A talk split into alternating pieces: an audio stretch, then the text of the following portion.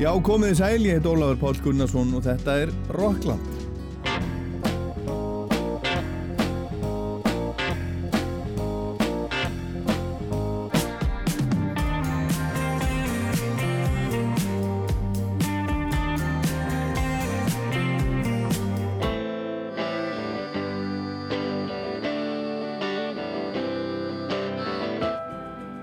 Í Rocklandi í dag fáum við Ellen Kristjáns í heimsókn og heyrum nýtt lag sem að þau syngja saman hún og vinnur hennar John Grant. Lægið er eftir Ellen og textin eftir Braga Valdimar Skúlason og þau syngja saman á íslensku. Og við fáum líka nýtt lag frá Pálma Gunnarsinni, félaga og vini Ellenar úr mannakotnum. Það lagar eftir Svapni Sigurðarsson.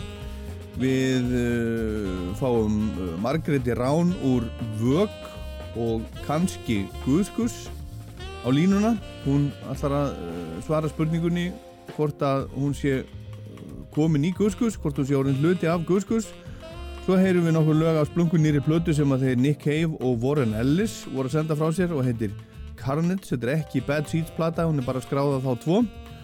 Og við heyrum Richard Ashcroft syngja lag eftir John Lennon sem hann var að senda frá sér. Og svo er það Barry Gibb sá eini sem lifir af þeim Gibb bræðurum í Bee Gees eða Bee Gees. Hann var að senda frá sér blödu sem að heitir Greenfields The Gibb Brothers Songbook Volume 1 og það er að finna hinn og þessi lög úr söngvabók Gibb bræðra í country útsetningum. Og með Barry á blödunni eru hinn og þessir gestir sem að syngja með hann lögin. Þetta er allt saman duettar og ekkert smá lið. Alison Krauss syngur með honum Too Much Heaven sem er mjög þekkt lag. Sheryl Crow syngur með honum How Can I Mend a Broken Heart Tommy Emanuel sem er vinnur Björsa Tór og hefur spilað með hann hér á Íslandi og viðar og Little Big Town taka með Barry How Deep Is Your Love sem var í Saturday Night Fever og Dolly Parton syngur með honum Words svo eitthvað sinnemt og við ætlum að hlusta á nokkuð lögu þessar plötu hérna í Rocklandi í dag og byrjum á uppáðslægi plötunar Barry og Keith Urban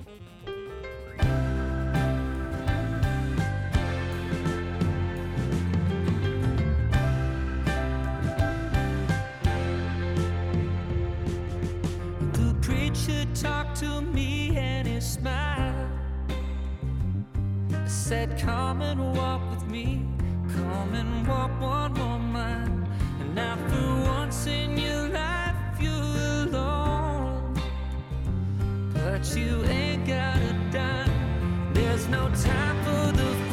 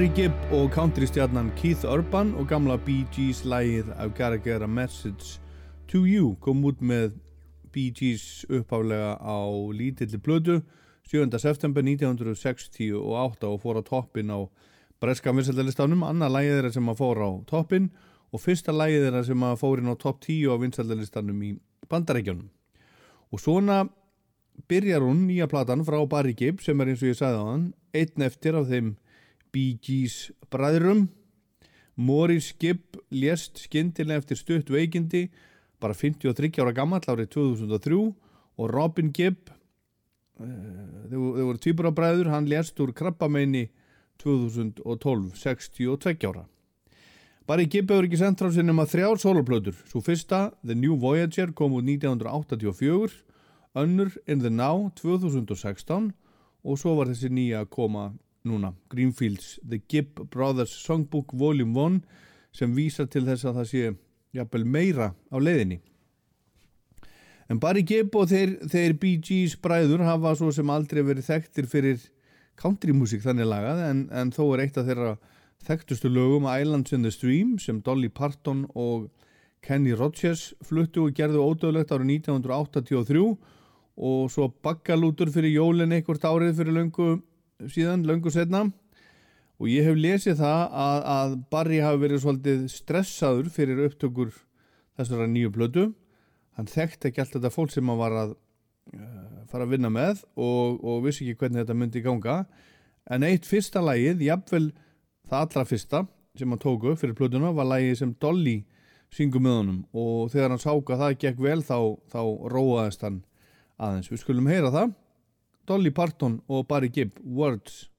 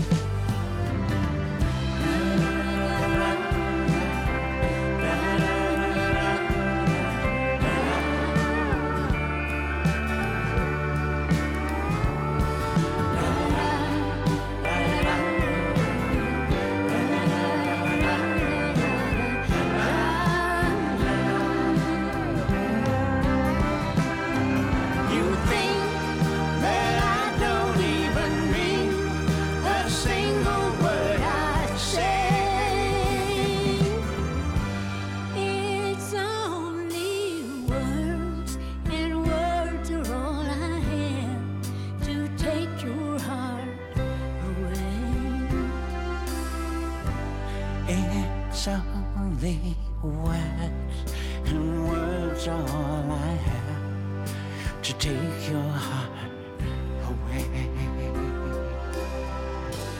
It's only words, and words are all I have to take your heart.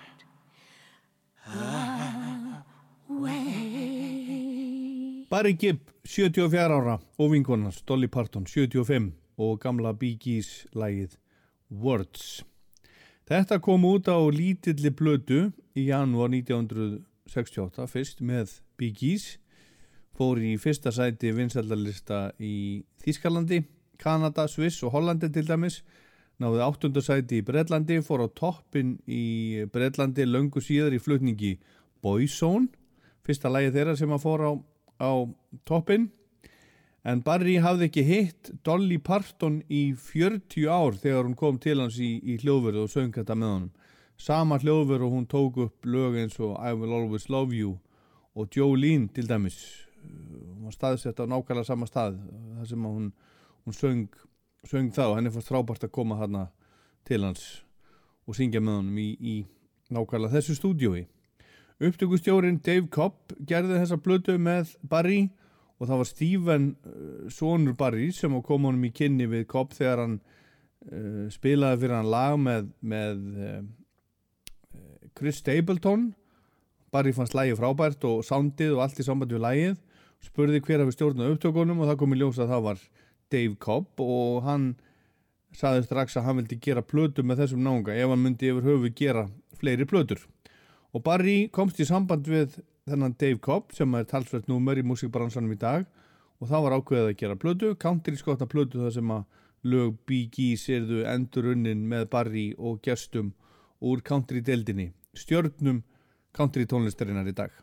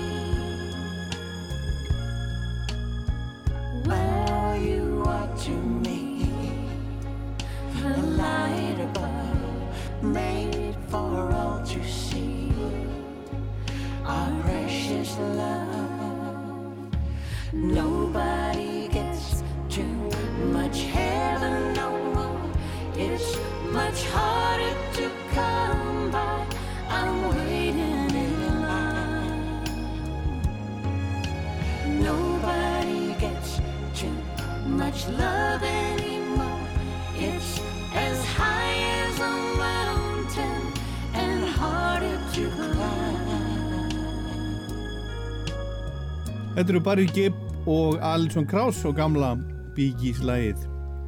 Too Much Heaven. Þetta kom út á, á plötunni Spirits Having Flown árið 1979 mikill smellur. Og Barry flög til Nashville til að taka þessa plötu upp, hann legði RCA hljóðverið í Nashville þar sem að margir hafa unnið í gegnum tíðina, Elvis Presley, Willie Nelson Waylon Jennings, Roy Orbison Everly Brothers og svo margir, margir, margir margir fleiri. Og Barry er í skíunum með þessa plötu, hvernig gekk með alla listamennina sem að gáðu sér tíma til að heimsækja henni hljóðverið og syngja og spila með honum? Og hann hefur sagt í viðtölum að hann vildi óska sér að bræður sínir hefðu geta verið með sér í þessu skemmtilega verkefni og segist eiginlega vissum að þeir hafi í raun verið þarna með sér.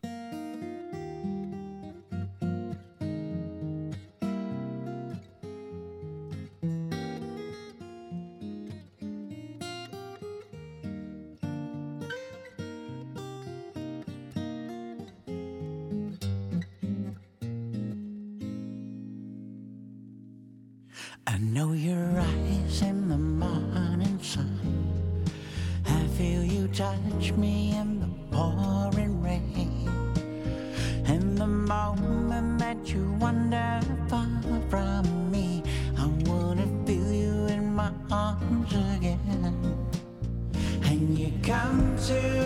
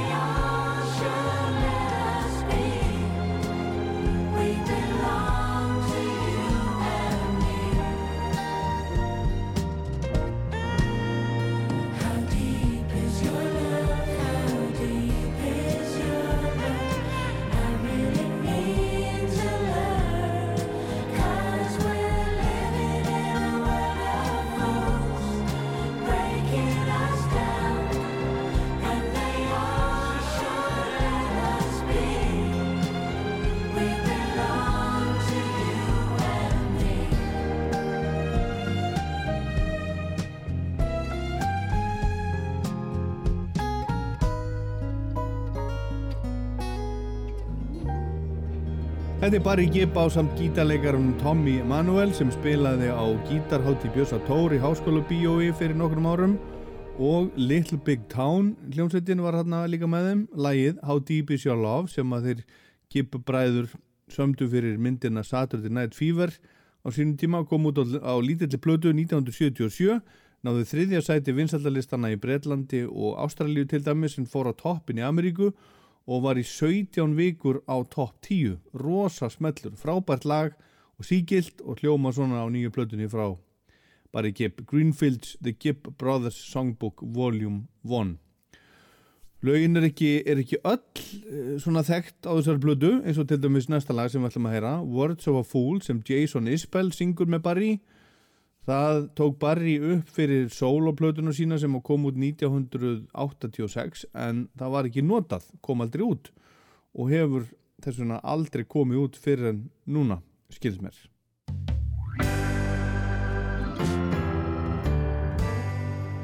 I gaze in your eyes now.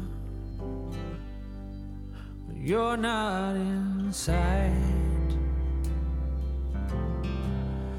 Just a picture of someone I lie with each night.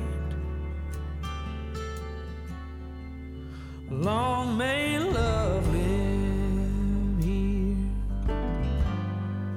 You fill up my home. And though you're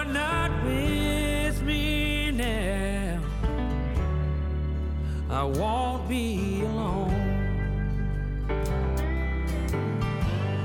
Now wisdom is fine, but the heart leads the way, and nothing can change my memory. Like a wise man, I patiently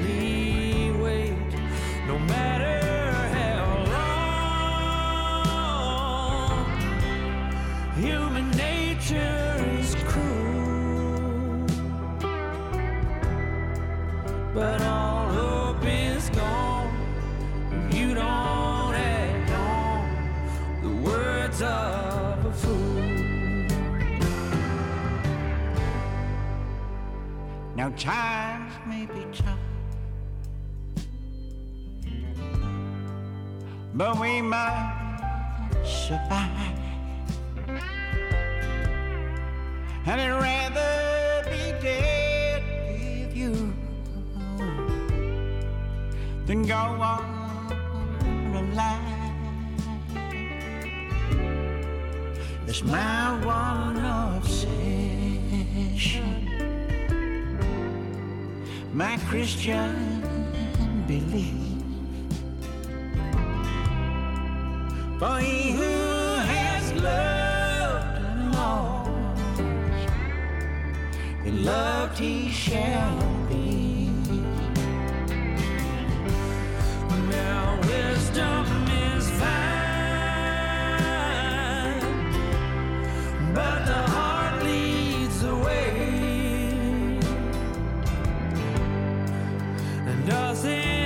change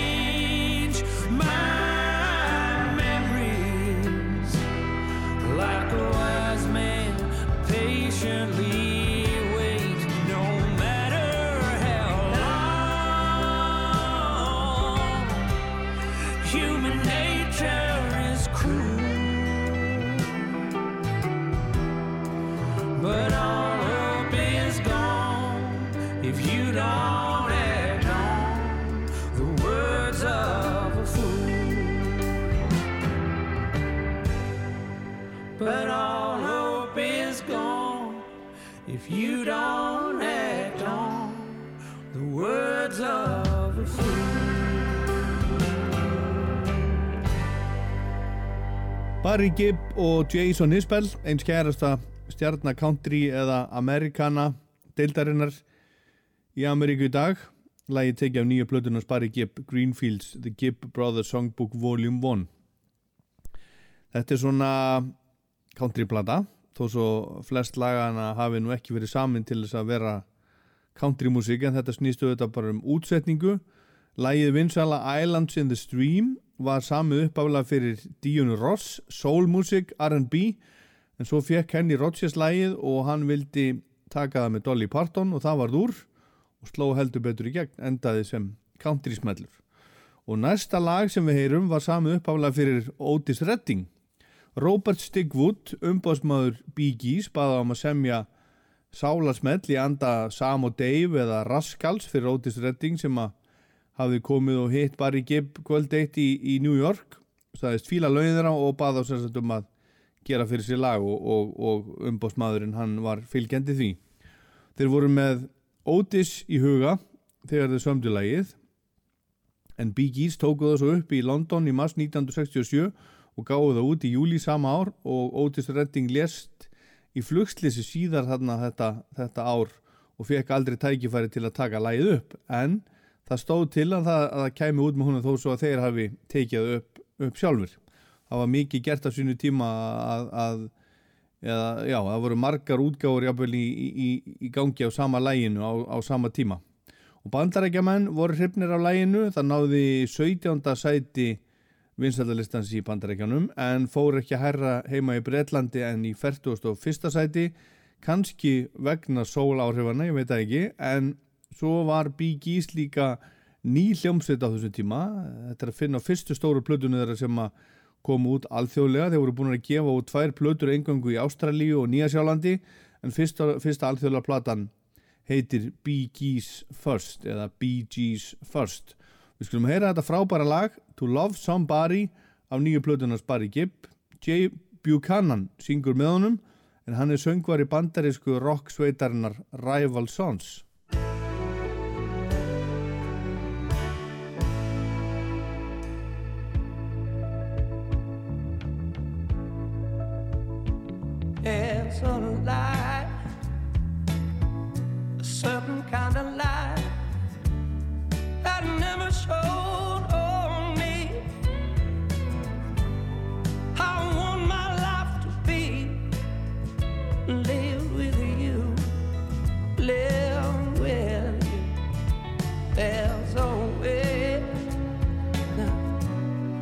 Everybody says to do each and every little thing.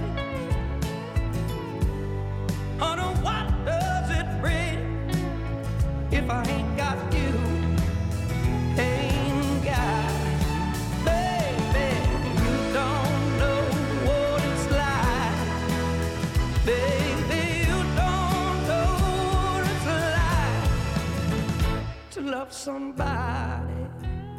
to love somebody the way that I love you.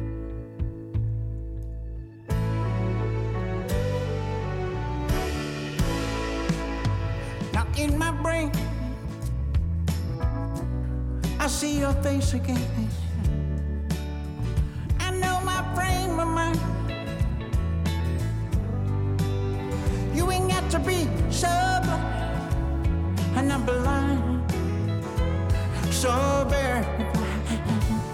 Cause I'm a man. Can't you see what I am?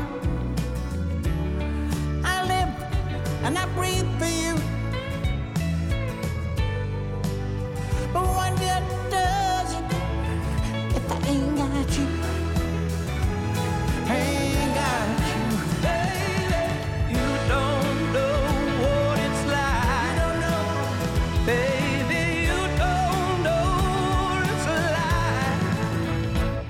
Love somebody, to love somebody the way that I love you.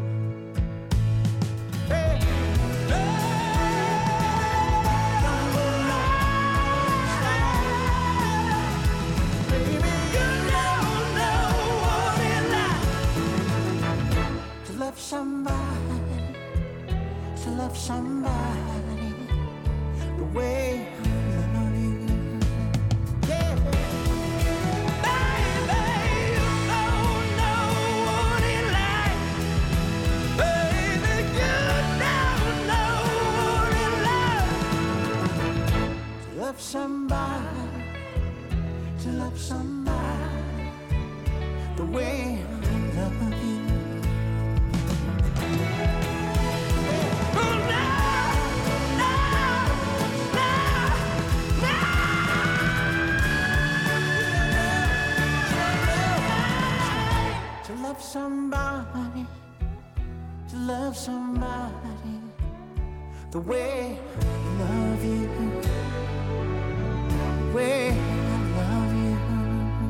Frábært lag og vel gert. Frábært lag, To Love Somebody. Gamla Bee Gees lagið og uh, á þessari nýju plötu frá Barry Gibb duetta plötu. Og ég held að það hafi verið upptökustjórin Dave Cobb sem að stakka upp á því að, að Jay Buchanan kæmi sem gestur á, á plötunars Barry og syngi þetta lag, þeir eru tengdir bransa taugum. En Barry söng live með flestum söngurunum sem komu til hans í hljófarið og þetta var afgreitt hratt og öruglega en það er þó ekki alveg algilt. Við skulum heyra líka lokalag plötunar, það heitir Butterfly og er eldgamalt frá þeim tíma þegar þeir gibbræður byggu ennþá í, í Ástralíu og voru ekki búinir að slá í gegnum allan heim. Þetta er, þetta er fínasta plata hjá bara í blæsuðum þægilega fulla flottu lögum sem við þekkjum öll og frábæri gestir og hún hefur yfirleitt fengið, fengið fína dóma, fjóra stjörnur til dæmis hjá Guardian og Uncut. Og hérna í síðasta læginu eru það David Rawlings og Gillian Wells sem syngja með Barry Gibb og lægið heitir Butterfly.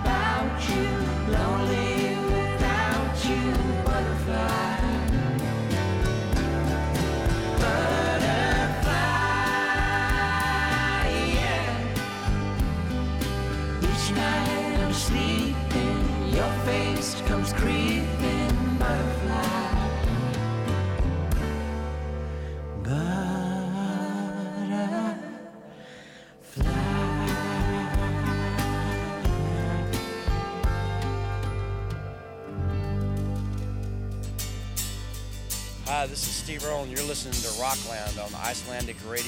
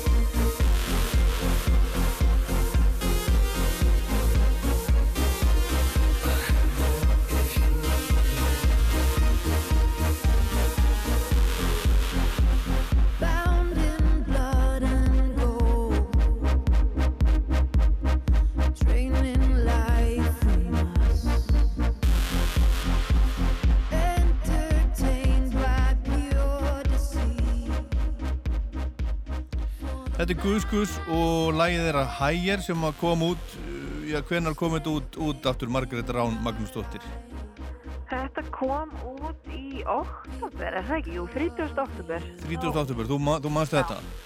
Já, Já, herðu, og þarna ertu sko, þarna er þetta titlað, sem sagt, Guðskus uh, featuring vög, eða ekki? Jú, Og, og, það, og það er bara reynd og beint, það er bara Guðskus ásamt vög, en svo eru margir að spurja núna sko að því að, að, því að hitt nýjasta lagið, Stay the Right, það er bara skrifað á Guðskus og þú syngur. Og, og, Já, og, einmitt. og þá er spurningin, þá er, þá er sko, nú er fólk að velta fyrir sér, er, er hún Margrét í vög, er hún, er hún, er hún gengin til liðs við Guðskus? Já, ég myndi segja það sko. Ég er allavega í hérna næstu svona herrferðinni þeirra á næstu plötu. Þar verð ég svona, verð ég stórt hlutverk.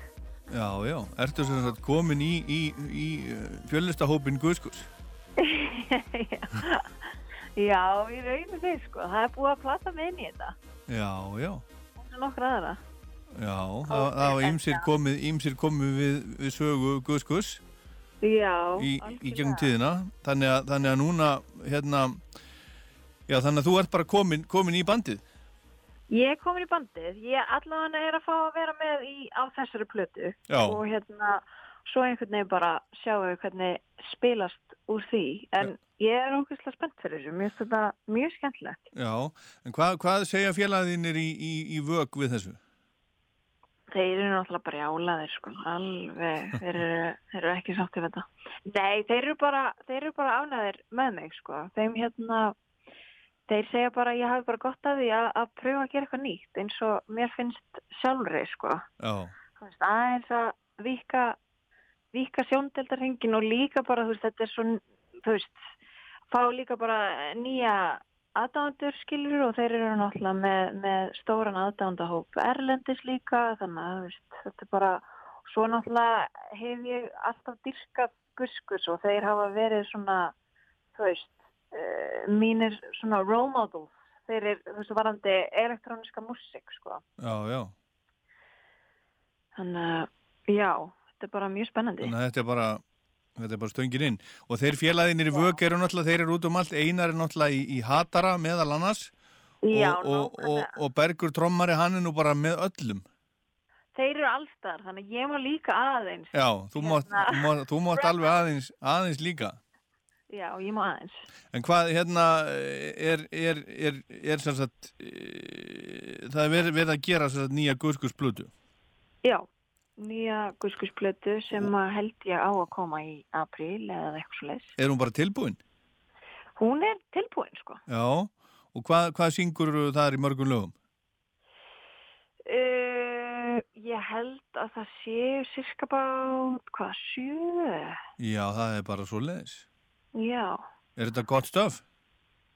Já, mér finnst það. Mér finnst þetta mjög skemmtilegt stöf og þetta er, þú færi þarna svona, þú veist, eh, alvöru guskus keimin og svo færðu líka svona slow tempo, uh, hérna, synda pop eins og Stay the Ride. Aha, Þannig að þetta er alveg svona, þú veist, þetta er svona, þetta er skemmtilegt mix. Þetta er nýtt og líka guskus sandið já, í sambland. akkurat. Þannig ég held að fólk verði alveg ánægt, sko. Já, og eru þeir ekki að, með alla, þú ert náttúrulega, þú ert náttúrulega, þú spilar á gítar og bassa og, og allt mögulegt og synda og þeir eru með gömlu, gömlu syndana. Já, Eru þeir, eru þeir búin að kenna þér eitthvað?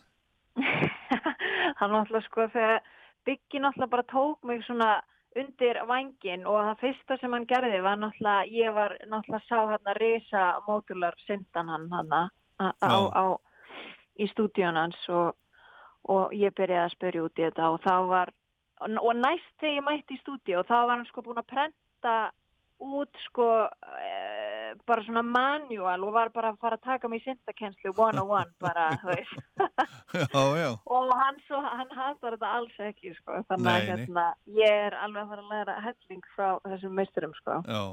En hvað er þá að frétta af, af hljómsveitinni Vögg? Er hún í fríi eða, eða, eða, eða alls ekki alls ekki. Við, hérna, við erum búin að vera að vinna hörðum höndum að nýju albúmi Mhm. sem að þetta er náttúrulega búið að vera svolítið skrítið svona í COVID-inu og, og hérna og við erum aðeins búin að senka e, útgáfu deginum á plötunni sem að verður líklegast bara á, í byrjun næsta árs. Nú, nú, en, ok, en við erum að fara að gefa út helling af músik á þessu ári. Þannig að það mun ekki vanta. Og fyrsta lægið kemur bara út núna 5.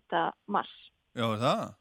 þannig að þá byrjar partíið, vögpartíið Og, og er, það, er það gott, gott lag, já, maður svona spyr ekki svona, gott lag, frábært lag, mjög, mjög gott lag. Eða veist, já, mér finnst þetta, mér finnst þetta gott. Þetta er, við erum líka að keira í smá nýjan blæ já, sem er hvernig, er þetta lýsónum? Hann- sko ó, hvernig að við lýsum hérna, hann er svona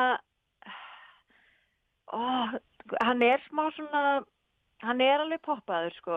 Við erum alveg með, verðum alveg með þetta vög soundið þarna á Já. albúminu, en þetta er svona þetta er alveg svolítið smá meira svona gítar eh, það er einhver svona meiri töffar í þessu. Það er smá, það kemur hint af country væpi þarna inn. Ég ætla- Ó, country, ok, þetta er, það er mjög erfitt að lýsa þessu. Já, country plata frá Vögg, country Þetta er plata country- væntalega frá Vögg, það er fyrirsögnin.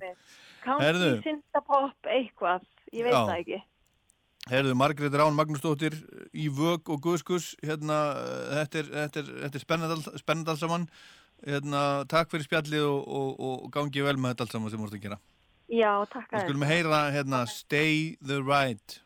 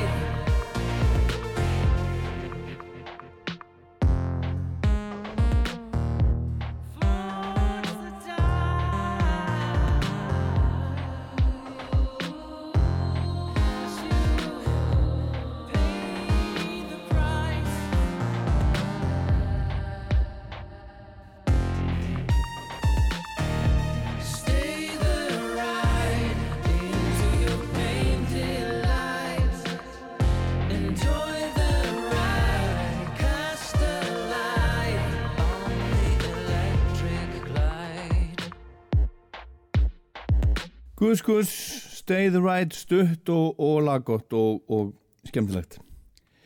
Richard Ashcroft var að senda frá sér lag sem við ætlum að spila hérna, hérna næst. Kammallega eftir Lennon sem er nú ekki, ekki kannski mjög þekkt, ekki eitt af þekktustu lögum Lennons, heitir Bring on the Lucy, Free the People.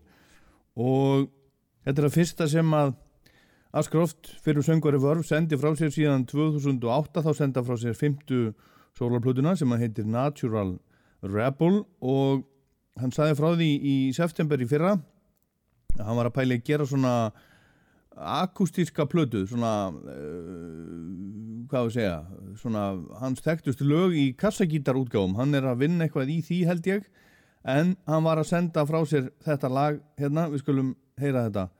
Richard Ashcroft syngja Lennon. Bring on the Lucy, Free the People. Og svo minn ég á að hérna í seinni hlutanum eftir þá heyrum við í Ellen Kristjáns og John Grant, nýtt lag sem þau syngja saman, nýtt lag frá Palma Gunnarsinni og lag af, af nýri plötu frá Nick Cave og Warren Ellis. Nó framöndan.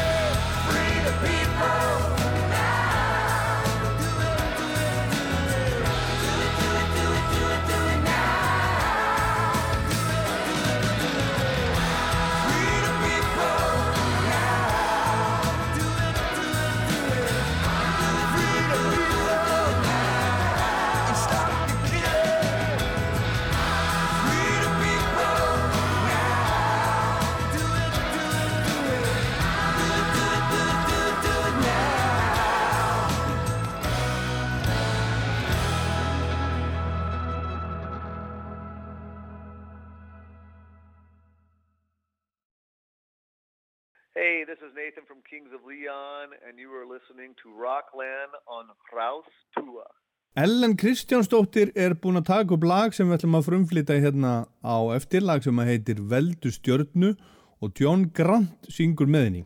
Þau eru miklir vinnir, Ellen og John. Og Ellen ætlar að segja okkur frá læginu hérna rétt á, rétt á eftir og hvernig þetta vildi allt saman til. En fyrst skulum við heyra í Ellen og John í sittkóra lægi. John er búin að vera á Íslandi meira og minna núna í næstum áratug. Hann kom fyrst hingað til Íslands á Airwaves í november 2011 og í februar 2012 koma til minn í útarpið í spjall. Við skulum heyra brota því. Ég spurði hann hvers vegna hann hefði ákveðið að, að uh, setja stað á Íslandi en hann var þá að koma sér fyrir hérna. I mean, I'm not exactly sure why it had such an effect on me. I think it's, I guess it's probably the same thing as with other people. It's a combination of music that I've been listening to for decades, you know, in my life, and ideas that I have, um, romantic ideas that I have about, uh, you know, the the geography of Iceland and, you know, the the sagas and the history and and the uh, the fact that. Um, that I suppose that there's a place in the world that is not spoiled like uh, as much as other places have been, you know, by um, and uh,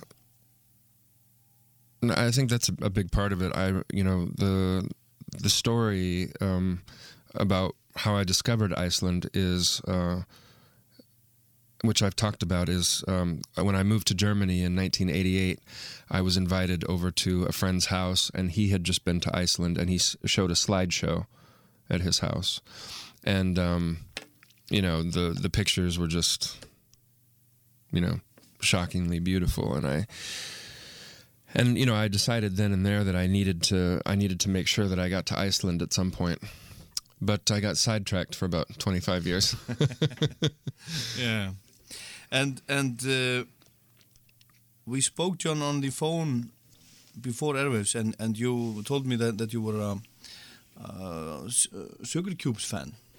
Yeah, um, I remember going into the uh, the record store in Denver that I that I loved um, back then, which is still there. It was called Wax Tracks, and uh, you know that was we we were talking about this a little bit in the car, Haldur, um, about how you know you there were places where you could go and, and ask people what they would recommend and find out about the newest stuff. And and these guys always had the the best and the latest and you know. And uh, this guy said hey have you heard uh, this band the Sugar Cubes? And I was like no. And uh, he said well you should check it out. So I listened to it and bought it right away. And and that was sort of the soundtrack part of the soundtrack for that period of my life you know. And uh, then when Bjork started doing her own thing, um, you know, I thought that was fantastic, and I was I was excited the the direction that she went because I wouldn't have thought she would go in an electronic direction. I didn't see that coming, and I was so surprised, and I th- I found it really refreshing that she was doing that, and um, I think that's one of her great talents is um, is you know because her voice is always the same because she's who she is, you know. but she always has this, you know, uh, she always surrounds herself with different uh, landscapes, you know, sonic landscapes, and and that's kept me listening for for decades, you know. And then um, I got into Gus Gus as soon as they released their first album, and. Uh, just you know it was the combination of the music and and the artwork for the album. You remember that, that beautiful artwork? And you see these people wearing sweaters and these beautiful you know icelandic sweaters and and these beautiful uh, sort of antique interiors. And it didn't really mesh. And but it was such a beautiful thing this combination. So i was fascinated by that and and uh and then uh, Sigur Rós came came along, and um, at first I couldn't really listen to Sigur Rós because I was jealous of uh, Jonsi's voice. You know, I was I, I was a little bit um, because I had started singing by that point, and um, that was during a time when I still felt like I you know I hadn't quite found my own my own thing yet, and so uh, I still felt like you know there were all these things I thought, oh, I, I should be like that or I should be like this, you know. Um, but then, uh, you know, uh, I was able to let go of that uh, that childish uh, attitude and just enjoy the music, you know.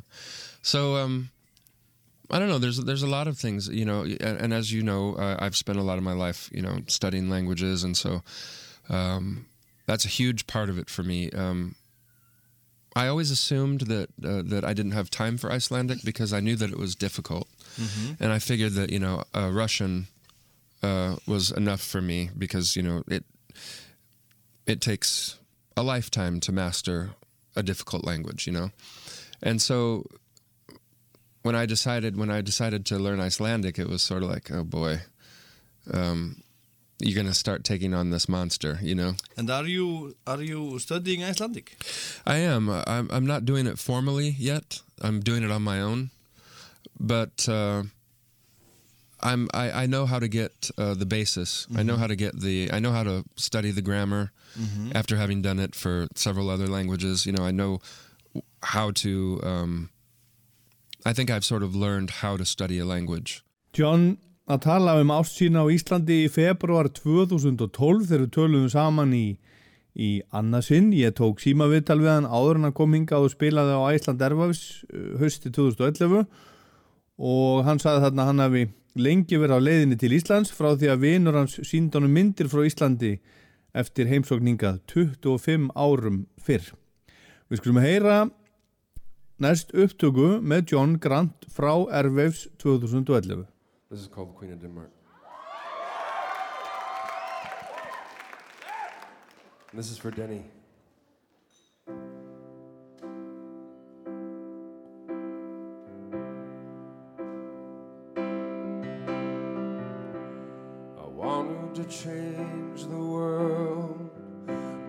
I could not even change my underwear. And when the shit got really, really out of hand, I had it all the way up to my hairline, which keeps receding like my self confidence. As if I ever had any of that stuff anyway. I hope I didn't destroy your celebration, your bad mitzvah birthday party, or your Christmas. You put me in this cage and threw away the key. It was this us and them shit that did me in. You tell me that my life is based upon a lie. I casually mentioned that I pissed in your coffee. Hope you know that all I want from you is sex. To be with someone who looks smashing in athletic wear. And if your haircut isn't right, you'll be dismissed.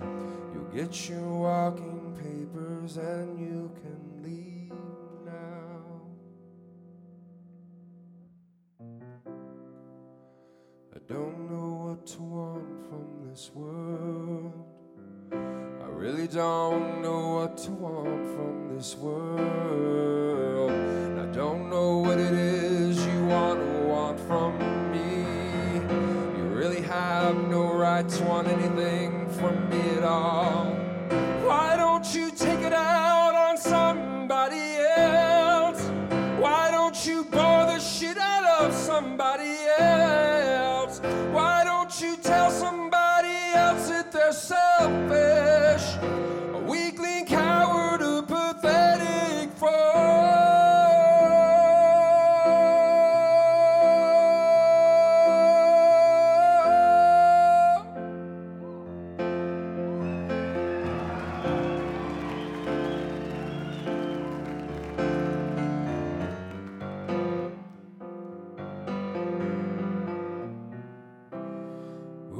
be the one to save me from myself?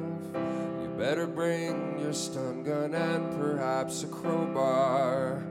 You better pack a lunch and get up really early. And you should probably get down on your knees and pray. It's really fun to look embarrassed all the time.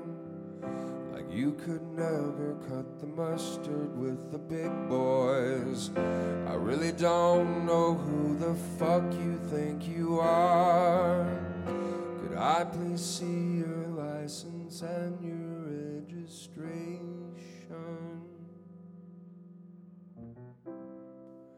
I don't know what to want from this world. Really don't know what to want from this world. I don't know what it is you want to want from me. You really have no right to want anything from me at all. Why don't you take it out on somebody else? Why don't you bore the shit out of somebody else?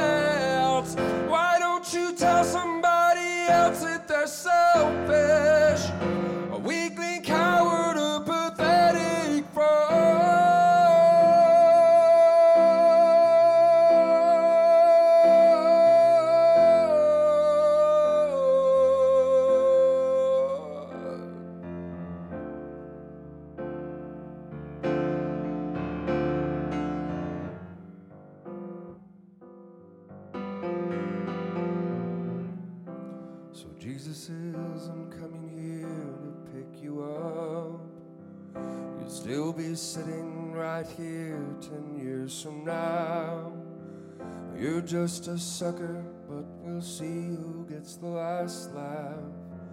Who knows, maybe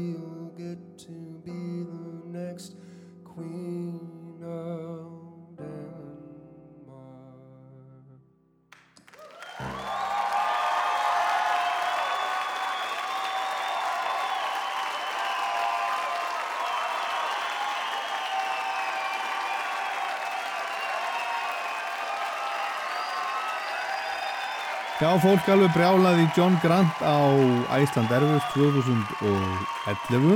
Þetta er Queen of Denmark, titila plötunar hann sem kom út 2010 og var valinn plata ásins hjá tímaritinu Mojo til dæmis. Og svo kynntust þau hérna nokkrum áru setna á Íslandi, hann og Sinead O'Connor og hún setti þetta á plötu hjá sér, þetta, þetta sama lag, Queen of Denmark. En svo er það Ellen, vinkonans, Ellen Kristjáns, við skulum, við skulum heyra hana syngja frábært lag sem að koma út með hljómsveitinni hennar, Kombóinu, árið 1994. Platan er frábær, hún er á Spotify og þetta lag sem við ætlum að heyra heitir You Will Always Know. Og svo þegar það er búið þá heyrum við í Ellen og svo lóksins nýja lagið með Ellen og John Grant.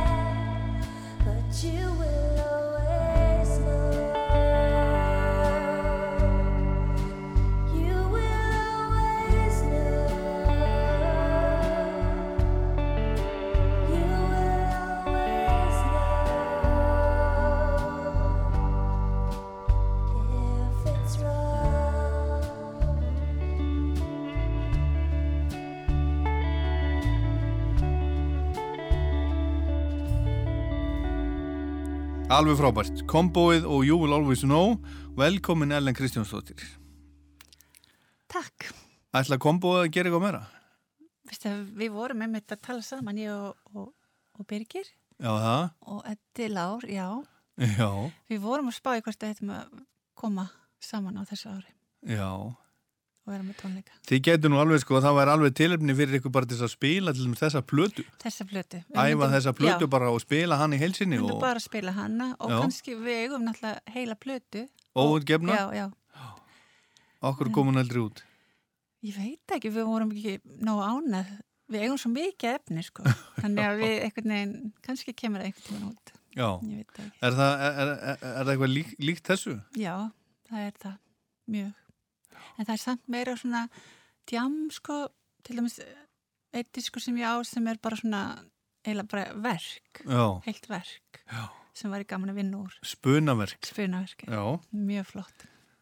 Skemmtilegt. Mhm. Þetta var alveg frábær hljómsveit og ég, ég, ég vona endilega, ég- ef, ef, ef þið spilið þá kem ég allavega. Allavega einn ein einn sem já. einn sem borgar sinn og örglega, örglega fleiri og Þú hérna, ert örgulega ekki að borga eins. Já, já, já, við sjáum, nú til með það en platan er, hún er á, hún er á Spotify Þú varst náttúrulega fyrsti umbúrsmaðurinn okkar. Já, manstu? já, já, það er, það er hérna, ég hef stundu sagt, það er einhvern versta jobb sem ég vera umbóðsmaður að hljómsveit það er nú, það, var- það, það er fyrir hálfri, ekki hálfröld, það er fyrir, fyrir kvart öld síðan. Já. Já, tímin, tímin flýgur. Herðu, en Ellen, þú ert hérna, þú ert komin hingað, hingað til minni í Rockland vegna þess að þú ert með, með nýtt lag Mhm. með þér og John Grant Já, á íslensku. já. Uh, hérna, er John, er hann ekki ennþá búsettur á Íslandi? Jú, hann býr á Íslandi og hérna búin að vera í rauninni alveg fastur hér, Já, en hann býr hérna samt. hann er búin að vera hérna bara í, í tíu ár, Já, næstu því tíu ár. mm hann er alltaf verið rosalega mikið á ferðarlegum Já. en alltaf sagt, hans uh, svona fasti punktir er hér. og honum líður ennþá vel hérna og, og allar að vera hérna áfram Já, ég hugsta það. Ég, hérna, ég veit ekki betur. Þetta er náttúrulega, það er náttúrulega, núna þessum tímum er náttúrulega hver ekki betur að vera en á Íslandi Nei, nei, í rauninni. akkurat Ég held, já, hann fíla sig hér mjög vel. en, en er hann orðin íslensku ríkisborgari? Mm, mm, ekki svo ég veit, nei. Nei, nú er Damon Albarn ég orðin veit íslensku það, ríkisborgari ég veit það, auðvitað ætti hann, hann, náttúrulega- við, við viljum fá John hann er í- í náttúrulega okkar- búið lengur hér heldur en, en eld, eldur en Damon já. já, Damon er búin að vera hérna e- ekki, ekki, ekki nærið mikið á John nei, við viljum fá kann Jo- hann íslensku? Nei, ekki held ég það við viljum fá, fá John í okkar landslið Ok, ég ætla, já, þú, Hann- hérna Ég segi honum það. segir, segir hún það ef, þú- ef, þú- ef þú heyrir í honum en hvernig, talandum um íslenskuna hvernig, hvernig gengur honum með íslenskuna hann er náttúrulega bara ótrúlegur. Það er ekki allum gefið að, að hérna, gera það sem hann hefur gert. Hann er náttúrulega, hann er rúsnesku líka. Hann er bara svona mála maður já, já, og hann les íslensku og hann, hann, hann skilur hana og talar hana. Já. Hann er bara ótrúlegur. Sagt, þegar þú talar við henni í dag talið þið saman á íslensku Það bæði. já, Það fer bara yfir, sko, ég tala alveg og hann kannski svarar ennsku eða öfugt, Já. sko, þannig að, en hann skilur allt.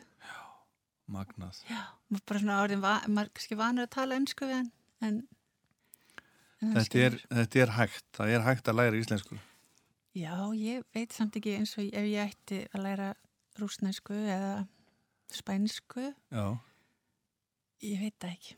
nei ég á sko franskan Tindarsson sem er búin að búa hérna í Íslandi nokkur ár. Hann er Já. að læra íslensku og gengur bara mjög vel Já, og er alveg ófeimin við að, við að tala íslensku. Já, það er og það, og það er ekki allt rétt sem kemur en, Nei, en, en það skiptir engu. það gerir ekki til. Nei, það, er- það er viljum, að viljum sér fyrir hendi að vilja læra. Af því það er svo margir sem fara að tala ennsku aha, við þá sem Já, já. ekki að tala íslensku og, og þá, það verður bara svona ávani Þannig að það er frábært. mm Og Heyrðu- fransku, ég var einmitt að reyna, ég var í Fraklandi fyrir nokkrum árum. Já, og hérna var að reyna að læra, það var ekki mikið sem ég læriði, nei, maður fyrir að skilja smá. já Maður feimið að tala, sko. Kona mín er með eitthvað app í símanum, situr og hlustar Mhm. Ok. og, og, og hérna, ég getur nú kannski hérna, fundið út hvað Já. er. Ég er ekki í því sko, Nei, viltu, en, en hún, er, hún er búin að læra helling á því.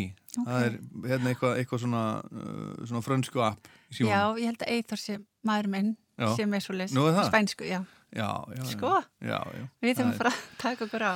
Já, ég er ekki svona, hef ekki svona, ég einhvern veginn hef ekki áhuga á, á, á tungumálu svona. Nei, ég er svona Svo reynir að bjarga sér á ennsku en Já. læði þar við sitja. Það er annað sem að mér langar að læra frekar. Já, ég er alveg sammála, ég hef aldrei haft áhuga á því og, og setja ekki, ég er mér svolítið svona aðdeglisbrest og einhvern veginn man eitthvað ekki allt en, en sumt situr sko, Já, en svo finn ég á krökkunum mínum, þau eru fjögur og þetta skiptir svolítið þar líka, já. þau eru svona málafólk sko, Aha. enga stund að læra, Er Það ekki? nei, Merkilegt. ekki hver það er, en Já, já, já, skemmtilegt. Herðu, en hérna, uh, þetta lag sem við ætlum að fara að heyra hérna, Mhm. sem að John syngur með þér, var hann alveg til í þetta um le leið og talaði með hann? sko hann var í heimsókn og ég var að lefa hann um heyra nýju lögin mín Já, fyrir nokkrum árum, eða sérst fyrir svona þremur árum. já. Það var demóin sko, Já. tilbúin. Og, eða, Þetta er svona gamalt. Já, þetta er, þetta er orðið það sko. Mm En nei, ekki upptökunar samt, ég er búin að breyta þessu. Já, en, já. En sem sagt, Svona lögin, að, já. Og þá hérna, ég gerði þetta út í Fraklandi sko fyrst, Já, já. fyrir fimm árum. Þetta lag? Já, Já. gerði svona demo að ég var, sérst, í, í hérna, á Kjárvalstofu, það er svona lista manna íbúð. Já. Var þar í tvo að semja. Og já, svo hef ég bara sett til hlýðar, svo tók ég þetta fram aftur Aha. í, í fyrra, hitti fyrra og tók þetta upp og ákvað að reyna að gera eitthvað að dú þetta og ég spurði John og, og, og hann segi, ég hugsa málið þannig fyrir sko þreymur ára Já. en í fyrra sem bara já, Já. ég hitti fyrra, já og svo komum bara í stúdíóð og, og sönglaðið Ekkert mál. ekkert Og á, á íslensku. á íslensku, já. Já. og gerði alveg bara algjör snillingur Já. og hann sagði bara, veist, hann er náttúrulega samningsbundin og svona en hann hann getur gert þetta Já. og svo sjáum við bara til hvað Aha. En Bræði Valdimar Skúla svona textan? já, ég ætla að vera að segja, hann á textan Já. ég er ekki nefnilega ég get gert enska texta stundum íslenska en, en hann var svo góður að gera þennan Já. En þú ert sem sagt að gera plötu. Þetta er lag Já, sem að verður já. að finna á plötu. Er þetta, er þetta dúett að blanda? sko, ég ætla að þetta verður svona eins og tvö hólf, Já. svona COVID Já. árið, nei þetta var sérst svona fjögulögur sem eru svona svona svolítið eins og þetta lag sem ég var að gefa út og svo fjögur sem er svolítið öðruvísi Já. þannig að þið, mér finnst þau ekki passa saman þannig ég ætla að hafa þau svona Allið og bjellið. já, í rauninni já. Já, og ég veit ekki, maður gefur þetta bara út og svo kannski ef maður gefur þetta út út á vínil Já. þá er þetta svona plata Já, A já. og B, já. Akkurat. Og hérna, um, þú, þú átt lagið, en, en hvernig semur? Sem, sem- semur á gítar? sem og gítar, já, Þú spilar á gítar? já, já, Já. gerði það Ég hef aldrei séð þið á Nei, gítar. ég held að ég held ég, það hefði enginn gert það sem var Nei. unglingur sko, ég, eða þannig ég spila spila einhvern tíman á jólatónleikum með Kristjáni Já. gítar. Ertu góð? Nei, ég lærði sko klassiskan og svo hætti ég sko, ég, veist, maður, ég held að sé þannig, Já. ég sé mjög eftir í samt, að hafa ekki, Hafa hægt. já, ég Já. sé eftir í, að því maður, verður svona styrður og, en ég get samið, Já. en þegar maður er með svona snillinga í kringu sig, sem gerir þetta svo vel, Já, já. þá, þá einhvern veginn hætti maður, en ég hvet alla, alla þess að, Já, en finnst þér ekki þægilegt þegar þú ert upp á sviði að vera með gítar bara á þér svona, og vera Ekki aðeins, að, lengur, aðeins nei. að strömma með? nei, Nei? ekki nema ég myndi æfa alveg heilt sett, sko, svolítið tíma. Já. En nei, ég held ég því svo stressu sko ég þurfti alltaf að vera að horfa eitthvað og svona, Já. ég get ekki, ég er búin að venja mig að syngja en ekki spila Já.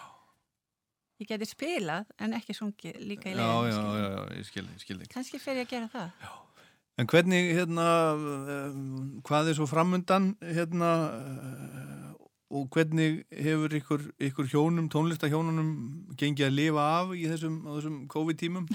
Það sem allt er, allt er af, afbókað? já, það er alltaf búið að vera mjög skrítið ár sérstaklega fyrir Eithor sem er í ljómsveitinni Messohorti og við erum búin að vera saman í 40 ár. Já, og þetta er fyrsta skipti sem við erum svona mikið saman. Já, og hvernig hefur það gengið? mm, ok. Ég er að djóka. Það gengið mjög vel. Ótrúlega vel. Þetta er skrítið sko.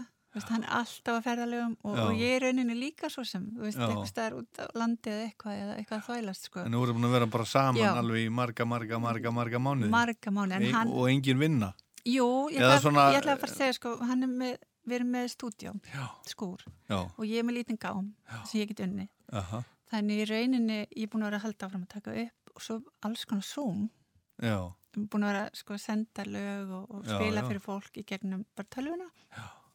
Og hann er samt alltaf og hann er að kenna hjá já, og þannig að og svo er maður alltaf að spila í einhverjum veist, alls konar sem kemur upp.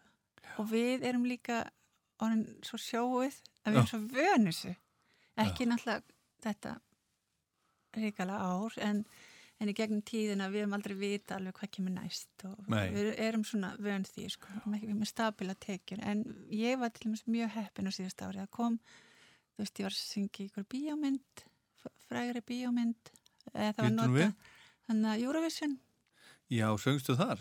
Já, það var notað sko hérna Heyr himnarsmiður. Já, einmitt, já, já, já, já, já, ég, ég veit, ég, já, Já, já, ég, auðvitað, heyrði það? Fekk vel borga fyrir það og svo, Já, já, svo var bara svona ó, óvænti hluti sem að gerðist. Þannig ég var í rauninu mjög heppin. Ég fekk styrki og, og hérna við getum alls ert- ekki kvarta. þannig að þú ert á, á hérna, á lífi. Herðu, en þetta lag sem að heitir Veldu stjörnu, Já, hérna, uh, ég, ég svona giska á að Þorleifur Gaukur Davíðsson séð þarna með þér í þessu að spila á munnhörpu. það er rétt. Og, og hérna Magnús Tryggvasen, Eliansson. Já, Ég verður ekki að vitlust núna, hann talar aldrei við mig eftir. uh, já, ok, aðja, Ég held samt að það er já, já, Ok, og svo að ég fæ kvíða því að var að segja þetta því svo, hef snúið við sko. já, og svo er það hérna, hérna Guðmundur Pétursson já, og, og Gaugur og en Eithor, Andri, já Andri Ólafs og svo náttúrulega Eithór já, algjörlega, hann gerir veist, strengi og alls konar skemmtileg hljóðarna mhm, og, og Krist, Guðmundur Kristinn tekur upp í hljóðrið og Steini Hjálmur, já, Stein Einarsson. Og spilar hann á á gítar, gítar, já frábær Já. gítarleikari. Hann er alveg frábær. Og já, stelpuna mín að gera rættir. Já, já, það eru öll familjan þarna í þessu. Og til þess að hafa þetta hreinu þá Sigga mín, elsta, kynntist sko John. Já, Þau eru sko, þau eru vinn. já, já, væru eftir skipt ef að, þú veist, Já, ef að heimurinn væri öruvísi. Já, Já, já, þau eru svona miklu vinnir. já, þau hafa alltaf verið miklu vinnir. Já. Þannig kynntist hún. Mm Herra Ellen, ef ekki bara, ef ekki bara heyra, heyra lagið? Jú. Viltu, veldu stjörnu? Já. Ég spái því að þetta eitthvað að heyrast oft á rástöfu Já? Já, ég held að, mér finnst þetta, gott. Takk. Gott lag, vel hefnað, skemmtilegt. Takk fyrir það. Takk fyrir að koma í Rockland. Takk fyrir að hafa mig.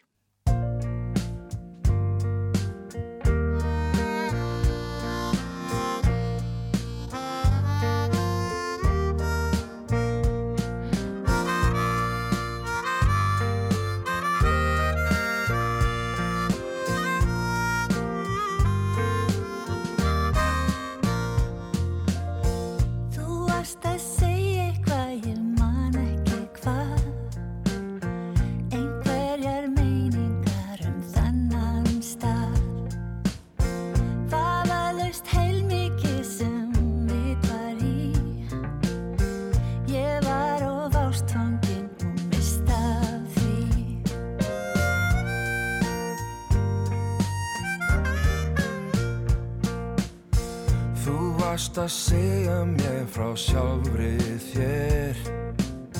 Satt best að segja fór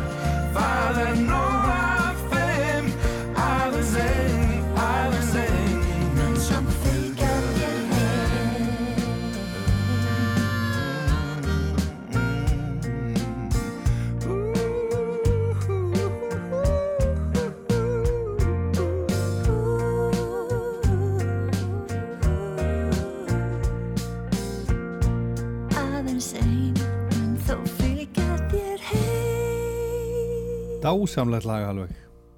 Splungu nýtt, John Grant og Ellen Kristjáns Veldu stjörnu.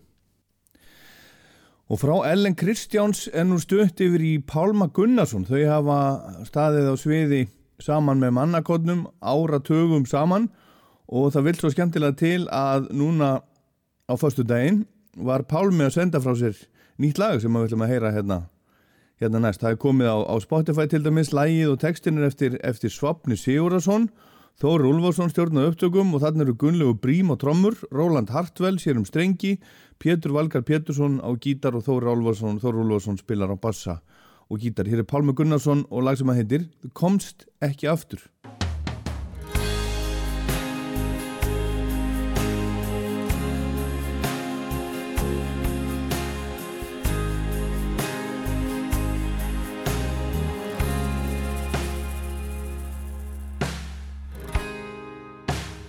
Fannst það alveg af og frá. Sagðir mér að reyna að gleyma. En ég var svo ósköp ungur þá. Og ég leiði mér að dreyma En sumarið var allt ofstuð En nógu langt til þess ég skildi. Að á endanum þú færir burt. Fann að það eina sem ég vildi Var að þú kænir aftur Þú kænir aftur. Kænir aftur. Og þú yrðir loksins mín En höstið leið með lita dýr Og Ufsins innsta flugi Í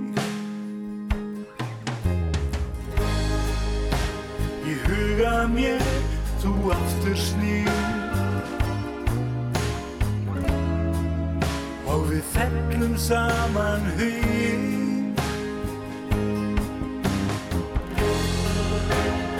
Retturinn var væðarlaus Hann hafði mig að háði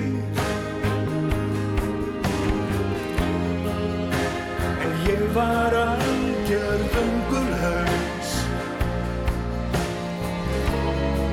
Þú varst það eina sem ég þráði.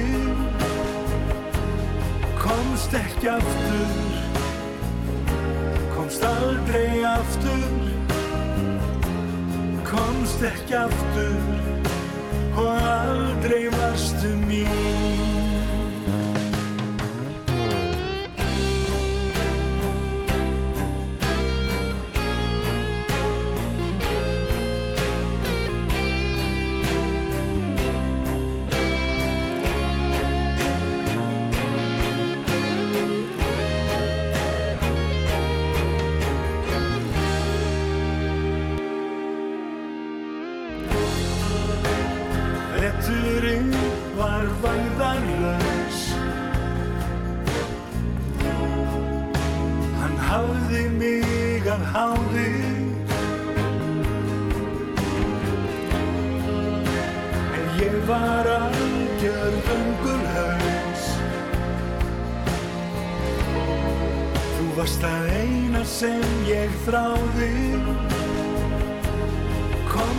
ekki aftur.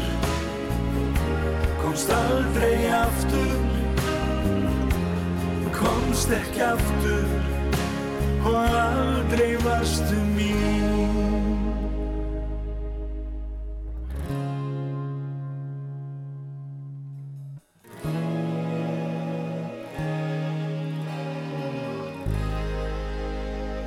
Pálmi Gunnarsson, alveg splungu nýtt, komst ekki aftur eftir svapni Sigurðarsson. En það voru fleiri að senda frá sér uh, músika en Pálmi Gunnarsson og Ellen Kristjáns. Nick Cave sendi frá sér blödu bara ansi óvænt núna í vikunni sem leiða. Mr. Gusti vissi ég ekki að hún væri á, leiðinni en ég veit svo sem ekki allt. Þetta er ekki plata með, með Nick Cave og Bad Seeds, heldur er hún skráð á þá tvo. Nick Cave og, og fiðluleikaran og allt múlitt mannin Warren Ellis. Hann spilar á allskins ljómborð og gítara og trommuheila og allt mögulegt. Mikill töframaður í músík og, og búin að vera hægri hönd Nick Cave árum saman. Og kannski hefði þetta orðið Bad Seeds plata ef ekki hefði verið fyrir þetta, þetta COVID-vesen, ég veit ekki það er eflust uh, erfitt að ná mönnum saman og svona. En hún er allavega skrifuð á Cave og Warren Ellis og við skulum heyra aðeins af henni, hún heitir Carnage blóðbað eða fjöldamorð við skulum heyra titilægið af þessari 40 laga ekki 40 laga, heldur 40 mínútna 8 laga plötu I always seem to be saying goodbye and rolling through the mountains like a train.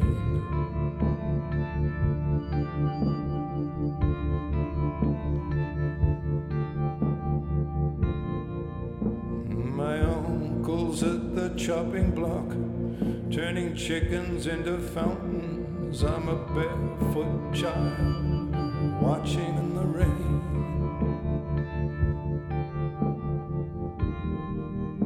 that stepped into this song, taken a bow and stepped right out again.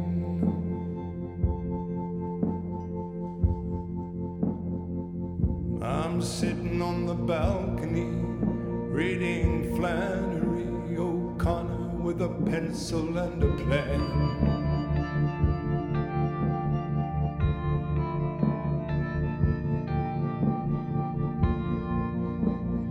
This song is like a rain cloud that keeps circling overhead. And here it comes around again.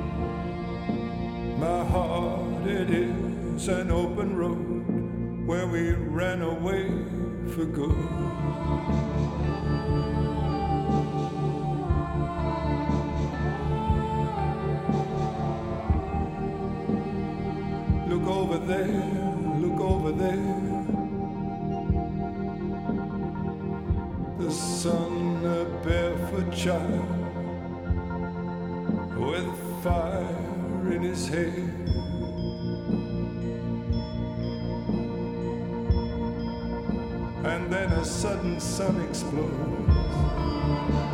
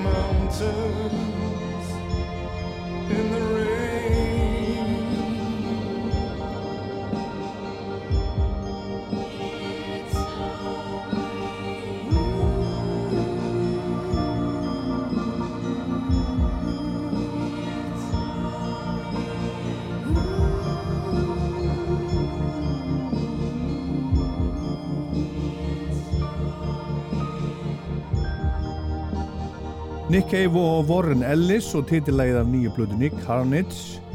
Hvað hann er að syngja um nákvæmlega veit ég ekki en hann er að teikna einhverjar einhverjar myndir og ástin og dauðin koma við sögu eins og svo oft áður hjá svo mörgum.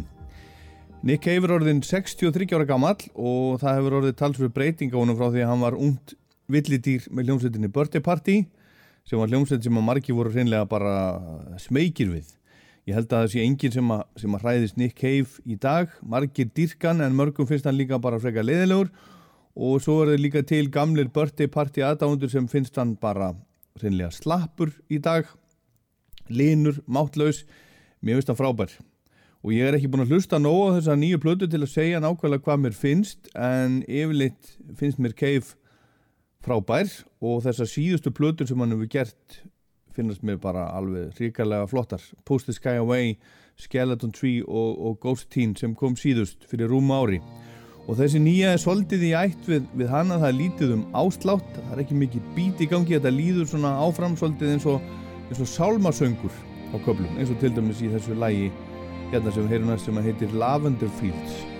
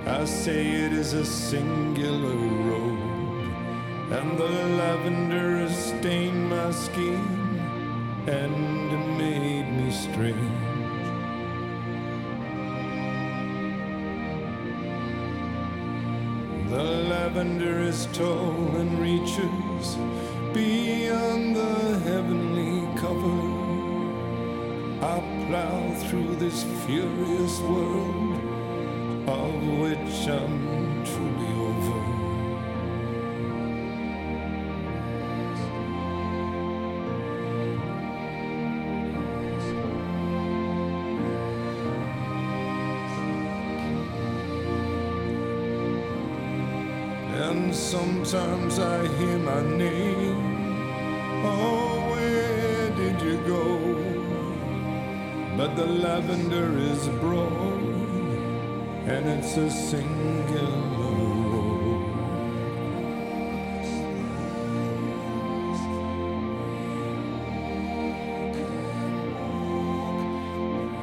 Once I was running with my friends,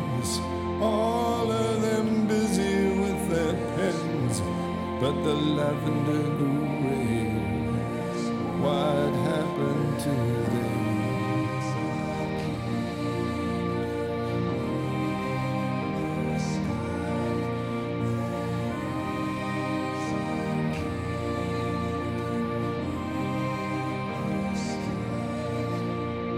Sometimes I see a pale bird wheeling in the sky, but that is just a feeling, a feeling when you die.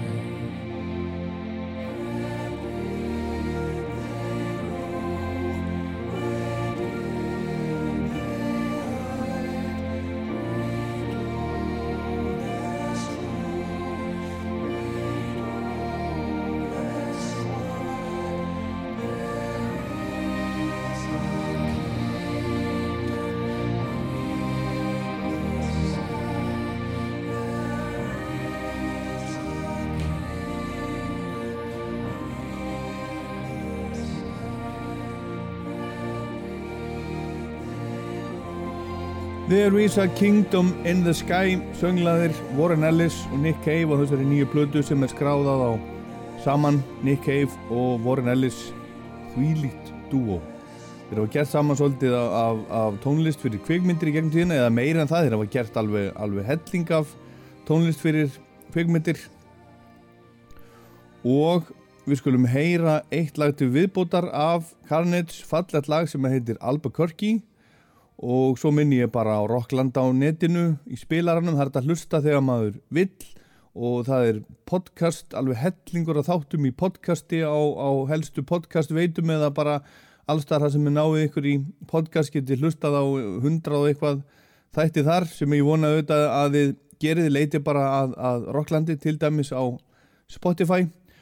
Og svo minn ég líka á Rockland mælir með lagalistan á Spotify sem ég uppfæri í byrjun hvers mánuðar og hægt er að fylgja, tjekkið endilega á því, það myndi, það myndi gleðja mig, smellið á, á hjartað á listanum og, og, og fylgið listanum þannig. En ég heit Ólar Páll Gunnarsson hér eru Nick Cave og Warren Ellis Albuquerque, takk fyrir að hlusta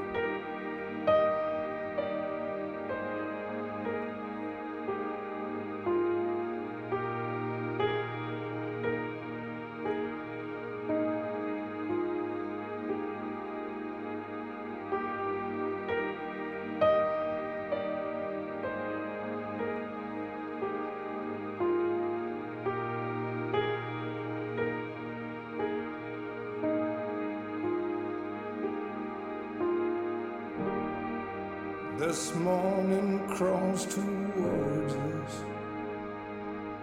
darling, with a memory in its pores. A child swims between two boats, her mother waving from the shore, darling. To Amsterdam or that lake in Africa.